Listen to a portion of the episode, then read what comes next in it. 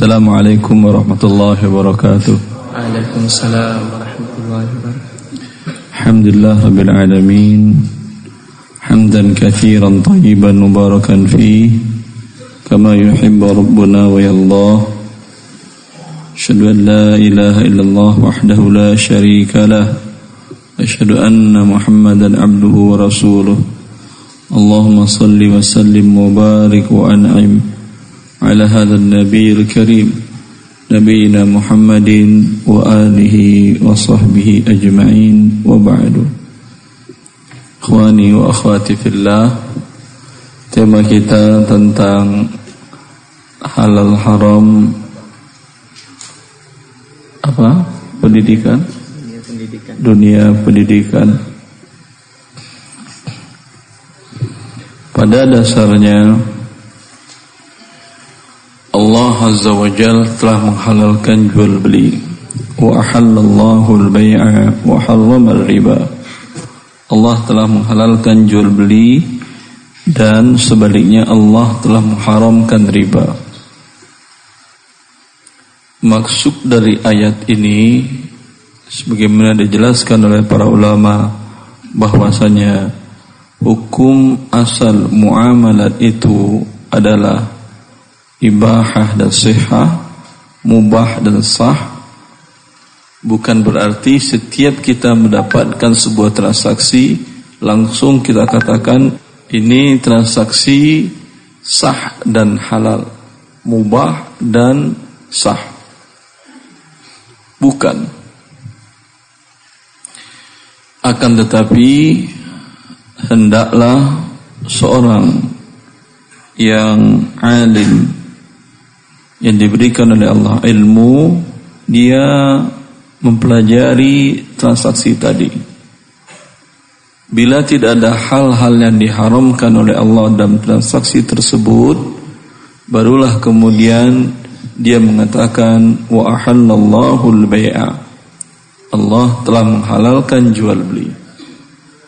Kalau dibalik berarti sudah tidak ada lagi yang haram sudah Asal setiap, setiap transaksi halal. Ini transaksi Allah mengatakan jual beli, jual beli halal. Ya sudah tidak lagi yang haram. Allah tidak memutlakkan jual beli halal, tapi ditakkid dan digabung oleh Allah wa riba. Dan Allah telah mengharamkan riba. Maka bila dalam akad transaksi tadi ada riba dan hal-hal yang menyebabkan dia diharamkan, maka hukum asalnya adalah haram keluar dari hukum asal halalnya. Lebih realnya kita lihat apa yang terjadi di masyarakat sahabat ridwanullah alaihim ajma'in setelah Rasulullah SAW wafat. Terjadi di antara suami dan istri akad jual beli. Zaid bin Mas'ud dengan istrinya Zainab. Suami istri ini berjual beli. Dua-duanya sahabat Nabi sallallahu alaihi wasallam. Zaid radhiyallahu taala an membeli budak dari istrinya dengan cara tidak tunai seharga 800 dinar. Paham? Tidak tunai 800 dinar. Kemudian tak berapa saat setelah itu Zaid menjual kembali budak itu kepada istrinya tunai dengan seharga 600 dinar. Jelas ini? Istrinya merasa ada sesuatu yang tidak pas. Rasa tidak tenang jiwanya. Dan beginilah yang dosa itu mahaka fi qalbika fa in aftaka an-nas wa aftauk dosa adalah sesuatu yang mengganjal dalam jiwamu sekalipun orang menfatwakan sekalipun manusia berfatwa itu adalah halal.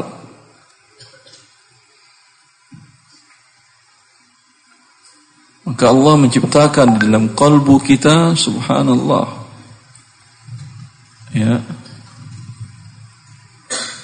Ada indikator ketika kita berbuat dosa tidak nyaman kalbu kita. Maka istrinya mendatangi Aisyah radhiyallahu anha ummul mukminin. Ya, dan menanyakan apa yang terjadi antara dia dengan suaminya. Bahwasanya dia menjual kepada suaminya seorang budak dengan harga 800 dinar tempo. Kemudian dia membeli kembali dari suaminya tunai dengan harga 600 dinar.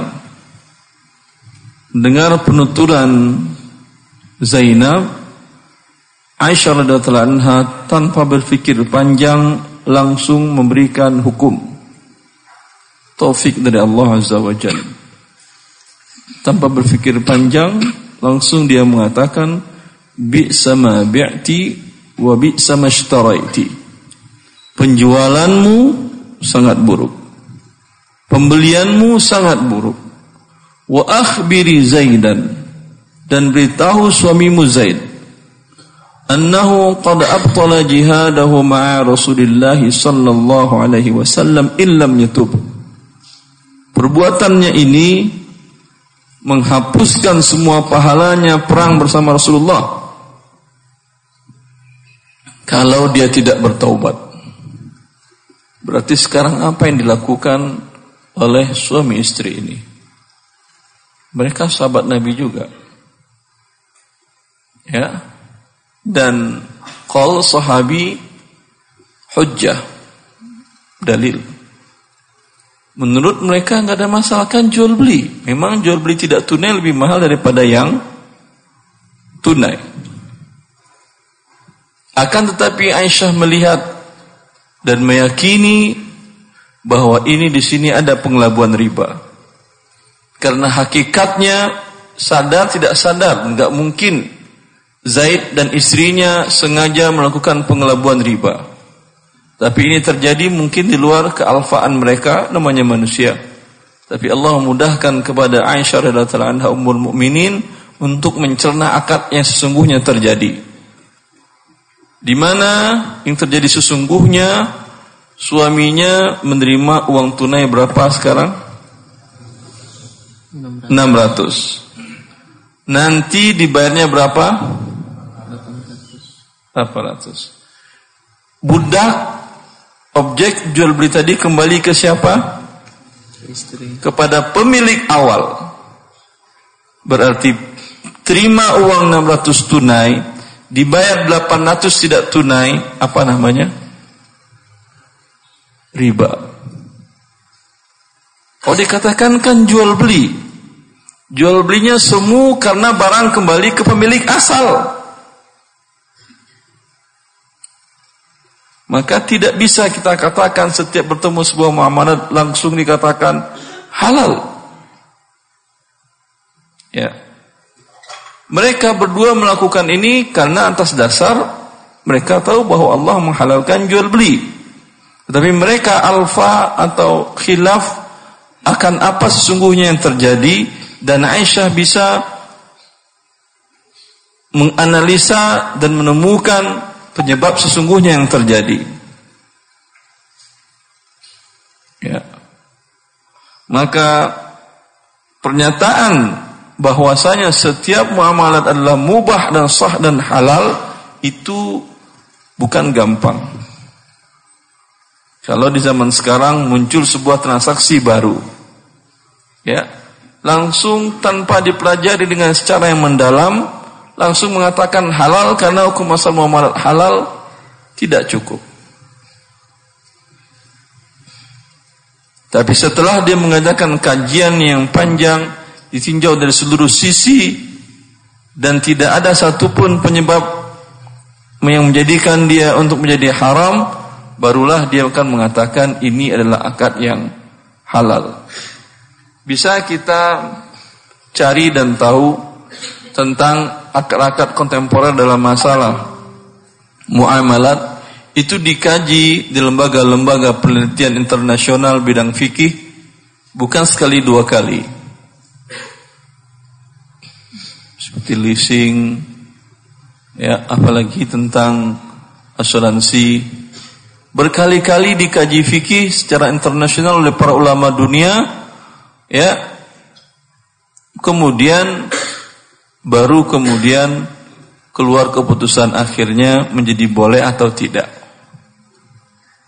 Kalau kemudian bisa diperbaiki, mereka mengatakan boleh dengan syarat ini dibuang, ini dibuang, ini dibuang. Atau ini dirubah menjadi seperti ini. Kalau tidak ditemukan solusi, otomatis dikatakan tidak halal sama sekali. Ya. Begini ikhwani fillah. Dan untuk sampai kepada tahap bisa mencerna dan bisa menganalisa dan memberikan kesimpulan akhir ini boleh atau tidak itu juga bukan sembarang orang. Pertama yang dia butuhkan adalah ilmu-ilmu syar'i dasar-dasar ilmu syar'i dalam bidang ilmu syariat Islam. Yang lebih dari itu adalah taufik dari Allah Azza wa Jalla. Ya,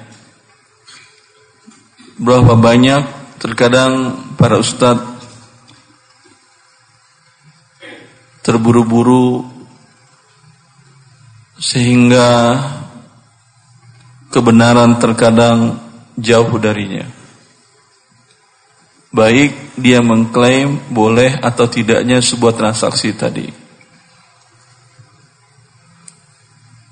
Dan kasus per kasus tidak bisa digeneralisir dengan menunggu fatwa internasional. Karena yang terjadi di internasional mungkin diterapkan di negara kita dengan sedikit ada perbedaan. Bila sedikit ada perbedaan, hukumnya mungkin akan berbeda. Maka membawa sebuah kasus yang ada di negeri ke para ulama di negeri yang lain terkadang hasilnya juga tidak terlalu seperti yang diinginkan dalam syariat kita. Oleh karena itu, ya, para ulama ketika di setiap masa tidak memusatkan sebuah fatwa itu kepada seorang sahabat. Di masa Abu Bakar, setelah Rasulullah SAW wafat, banyak kibar ulama, banyak kibar sahabat, ulama sahabat tapi apakah semua fatwa bertumpu kepada Abu Bakar sendiri? Tidak. Di Madinah banyak para ulama tapi dikenal di sana ada fuqaha sab'ah. Apakah bertumpu kepada mereka semua fatwa? Tidak. Kalau bertumpu kepada mereka akan susah orang untuk mengamalkan syariat agama Allah. Kasus terjadi di Khurasan. Jarak antara Khurasan dengan Madinah butuh perjalanan pergi dua bulan, pulang dua bulan. Sedangkan kasus terjadi dalam waktu tiga hari lagi. Bagaimana caranya? Maka dibutuhkanlah dalam hal ini para ulama, para tulabul ilm yang muwafaq, yang meminta kepada Allah dan selalu berharap kepada Allah agar dimudahkan membantu umat memberikan jawaban kepada mereka. Ya. Saya kira cukup ini tentang masalah halal haram akad dunia pendidikan. ya. Perlu kajian setiap akad. Itu intinya. Kalau secara umum hukum asalnya Anda katakan halal ya halal. Tapi di satu tempat beda dengan tempat yang lain. Maka alhamdulillah saya dengan teman-teman di ETA Erwan di Termizi in Associate for Sharia Consulting di Cibubur di kota wisata itu ada beberapa lembaga pendidikan yang minta dibuatkan akad-akad sesuai syariat mulai dari awal, mulai dari pendaftaran sampai kemudian uang masuk, sampai kemudian uang bulanan, hak dan kewajiban dari pihak apa, akad sekolah dengan guru apa, akad sekolah dengan orang tua apa, satu persatu ya mungkin kita jelaskan semuanya. Mungkin terlalu panjang dan terlalu mungkin tidak semua Anda juga membutuhkan itu. Ya. Paling yang dibutuhkan adalah pihak sekolah.